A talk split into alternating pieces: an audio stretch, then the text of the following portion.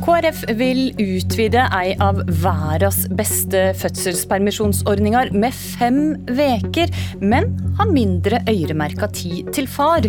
KrF-leiren møter Venstre-leiren, og hun som er venta blir Frp-leder til debatt.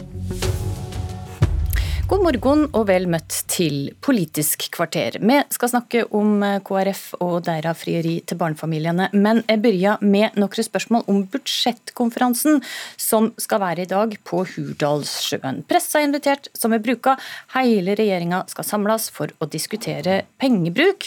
Men i går så innførte helseminister Bent Høie strenge smitteverntiltak i Viken. Og Kjell Ingolf Ropstad, KrF-leder og barne- og familieminister. Minister, skal de likevel samles? Vi skal samles til budsjettkonferanse, og så blir han dessverre både amputert i lengde og blir en helt annen gjennomføring enn det vi pleier å ha, nettopp pga. at eh, smittevernet krever at en ikke kan være så tett eller eh, spise middag sammen osv. Men i Oslo, der de fleste i regjeringa bor og oppholder seg, så er det forbudt å ha mer enn to personer på besøk hjemme. Hvordan kan da regjeringa dra ut samles, dra ut av kommunen og samles 20 ministre?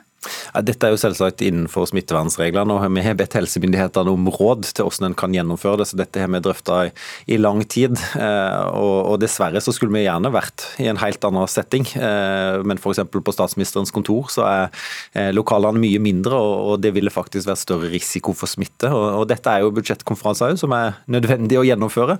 og Derfor tar vi alle forhåndsregler, alle er blitt testa. Og vi skal ha grundige smitteverntiltak på, på Hurdalssjøen. og og Derfor er vi trygge på at dette er den beste måten å gjennomføre det på. Guri Melby, du skal også til Hurdalssjøen i dag, men alle arrangement i Viken, hele denne store regionen, er forbudt unntatt begravelser og bisettelser. Gjelder ikke dette her for regjeringa? Det her er jo noe annet enn et arrangement. og På samme måte som det på ulike arbeidsplasser samles flere mennesker enn det vi gjør nå, eh, så har vi også behov for å samles for å greie å lage et budsjett. Så det finnes jo enkelte oppgaver som man er nødt til å gjennomføre på en eh, fysisk måte også i dag, men jeg føler meg trygg på at det her kommer til å bli gjennomført på en meget streng smittevernmessig måte. Og I likhet med Kjell Ingolf så ble jeg også testa i går og fikk heldigvis eh, negativt prøvesvar.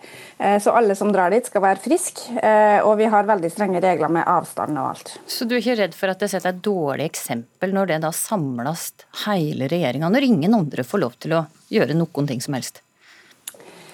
Altså, det her er jo ikke noe vi gjør for moro. Vi skal sitte her og jobbe hele dagen. og Når kvelden kommer, så sitter vi på hvert vårt rom og jobber sikkert videre der. Så det her gjør vi jo for å lage et budsjett. Eh, og vi har funnet ut at det her er både den tryggeste og den beste måten å få det til på. Ok, Da får vi eh, håpe at gjennomføringa det går fint. Og over til det vi egentlig skulle snakke om eh, for Ropstad. Du mener altså at det er nødvendig å utvide ei av kanskje verdens aller beste og lengste, ja, de lengste permisjonsordningene. Hvorfor trenger en det? Vi er jo opptatt av å styrke barnefamilienes mulighet til å kunne ha tid sammen. En av de største tilbakemeldingene jeg får når jeg snakker med ulike familier, det er jo tidsklemma, utfordringer til å få hverdagen til å opp, og spesielt jo det første året som vi vet kan være veldig krevende for noen. Eh, og det er veldig forskjellig. Og da ønsker vi å skape mer fleksibilitet mer rom på dette å reversere tredelinga. Eh, gjør òg muligheten for fri gradering, sånn at du sjøl kan velge hvor mange prosent du vil ta det ut, f.eks. om du vil ta 100 og da 40 49 uker, eller ha et lavere prosentantall og heller kunne være hjemme lenger. Hvor mye ønsker... kommer dette til å koste, Ropse? Hvis du inkluderer de fire ekstra ukene, så vil det koste ca. halvannen to milliard. Og med dagens fødselspermisjonsordning, som altså da blir utvida med fem uker, så skal far få ei ekstra uke rett etter fødsel. Men samla sett så blir det færre øremerka uker enn til far. Hvorfor det? Nei, Det er jo fordi at fleksibiliteten er litt for liten i dag. og Dette er jo noe av det jeg får flest tilbakemeldinger på. Det er så mange eh, familier som tar kontakt og er frustrert over at kabalen ikke går opp. Det kan være ulike ting eh, som gjør at eh, en mor ønsker å være litt lenger hjemme, og begrensninga i tredelinga er veldig stor. Eller det kan være fedre som ikke klarer å ta ut permisjonen, og så er det ingen unntaksregler. sånn at ikke bare får ikke far mulighet til å kunne være sammen med ungene, men ungene mister jo da mulighet til å ha en forelder i de 15 ukene. Så Derfor så ønsker vi å reversere det og gjøre hele ordninga mye mer fleksibel. altså En helt ny foreldrepermisjonsordning som sikrer fleksibiliteten og, og valgfriheten for familiene. Hva skjer i praksis med den tida far er hjemme når det korta inn på fedrekvoten? Jeg tror jo dette vil være kjempeflott. Eh, vi har sagt i utgangspunktet ti uker til far, eh, og det vil være veldig mye tid. Og så er det jo mange fedre som vil ta mer tid òg. Eh, og det betyr at de får god kontakt med ungene. Og jeg er veldig opptatt av at vi fedre skal være til stede. Jeg har hatt stor glede sjøl å ha foreldrepermisjon sammen med mine unger. Og det betyr mye for ungene, men det betyr òg mye for oss fedre. Men hva viser, hva viser forskninga? Hvor mye ekstra, hvor mange tar ut ekstra tid utover den satte fedrekvota? Ganske ofte så tar en ca. det som er satt i foreldrepermisjon, eller til fedrepermisjon. Eh, så er det det fedre velger å ta ut. Men, men, det du må huske på, er at i dag så er det ekstremt rigid med at det er 15 uker til far, 15 uker til mor og 16 uker som er valgfritt. Og Det betyr at eh, det, det er maks 31 uker som mor kan ta ut, og for veldig mange så er det lite tid. Eh, og Der er kjernen i problemet. Så Hadde det vært sånn at de hadde hatt flere uker å fordele, så kan det godt være at fedrene hadde tatt enda mer. Og jeg tror jo dette, dette er litt holdninger, det er litt mulighet til å kunne få fri eh, fra jobb. Og dermed på en helt annen planet i dag enn det en har vært eh, noen år tilbake. Men det kom nye tall fra SSB i går. 11% av fedrene tok ut mer enn det som er øremerka for far.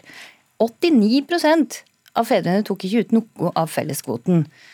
Altså, når det da reduserer denne fedrekvoten, svekker ikke det da fars tilknytning til barnet? Nei, på ingen måte. Jeg tror, altså Hvis du velger å ta ti uker, så tror jeg det gir mye tilknytning. Men poenget er jo at det er for Nok tilknytning, det er nok med ti uker. Altså Jeg tror det er mye mer enn fødselspermisjon som er viktig for å ha en god connection mellom far og barn. Ja, så, det er klart, så dette men... er et viktig del òg fordi at du får hovedansvar og du kan få prøve deg ut. Og, og du blir tvunget til å måtte skifte bleie osv. Så, videre. så jeg tror det er mye, mye bra med for fedrepermisjon. Men, men, poenget er jo at det er vanskelig å ta ut mer enn de 15 ukene. Fordi at for mange familier og mødre så er det veldig tidlig å gå tilbake igjen i jobb etter 31 uker. Okay. Så Derfor så ønsker vi mer fleksibilitet, sånn at du kan eh, enten sjonglere det mer innenfor 100% eller da en annen type gradering, sånn at du har muligheten til å kunne være lenger hjemme hvis du ønsker det. Guri Melby, framleiseleder i Venstre. Hva blir konsekvensen av å fjerne øremerka veker til far?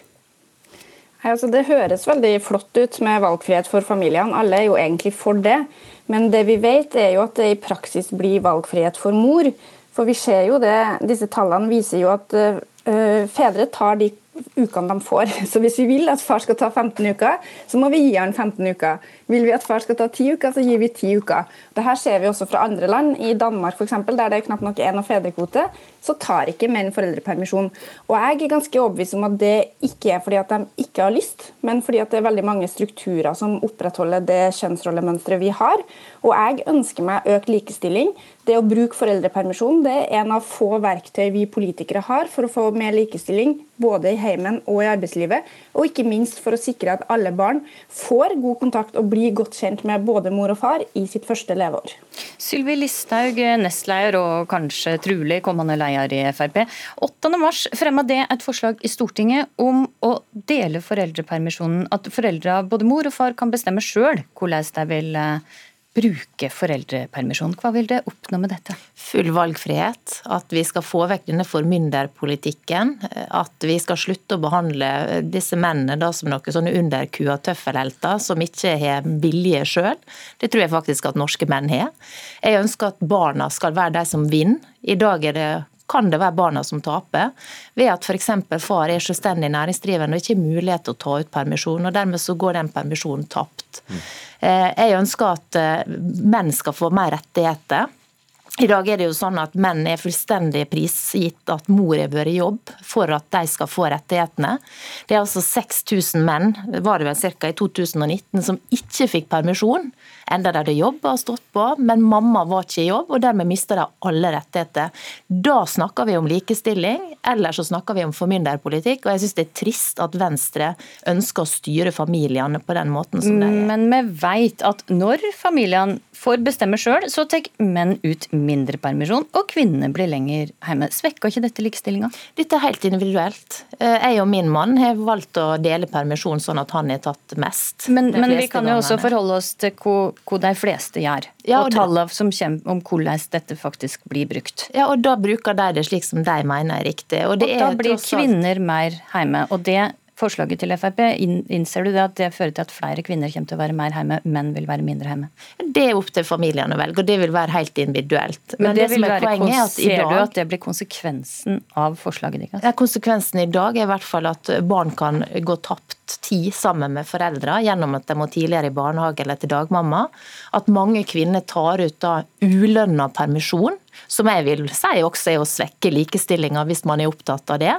Eh, så sum summarum så mener jeg det er helt feil at norske politikere skal sitte og diktere familien. De trenger ikke mer overstyring, de trenger mer valgfrihet.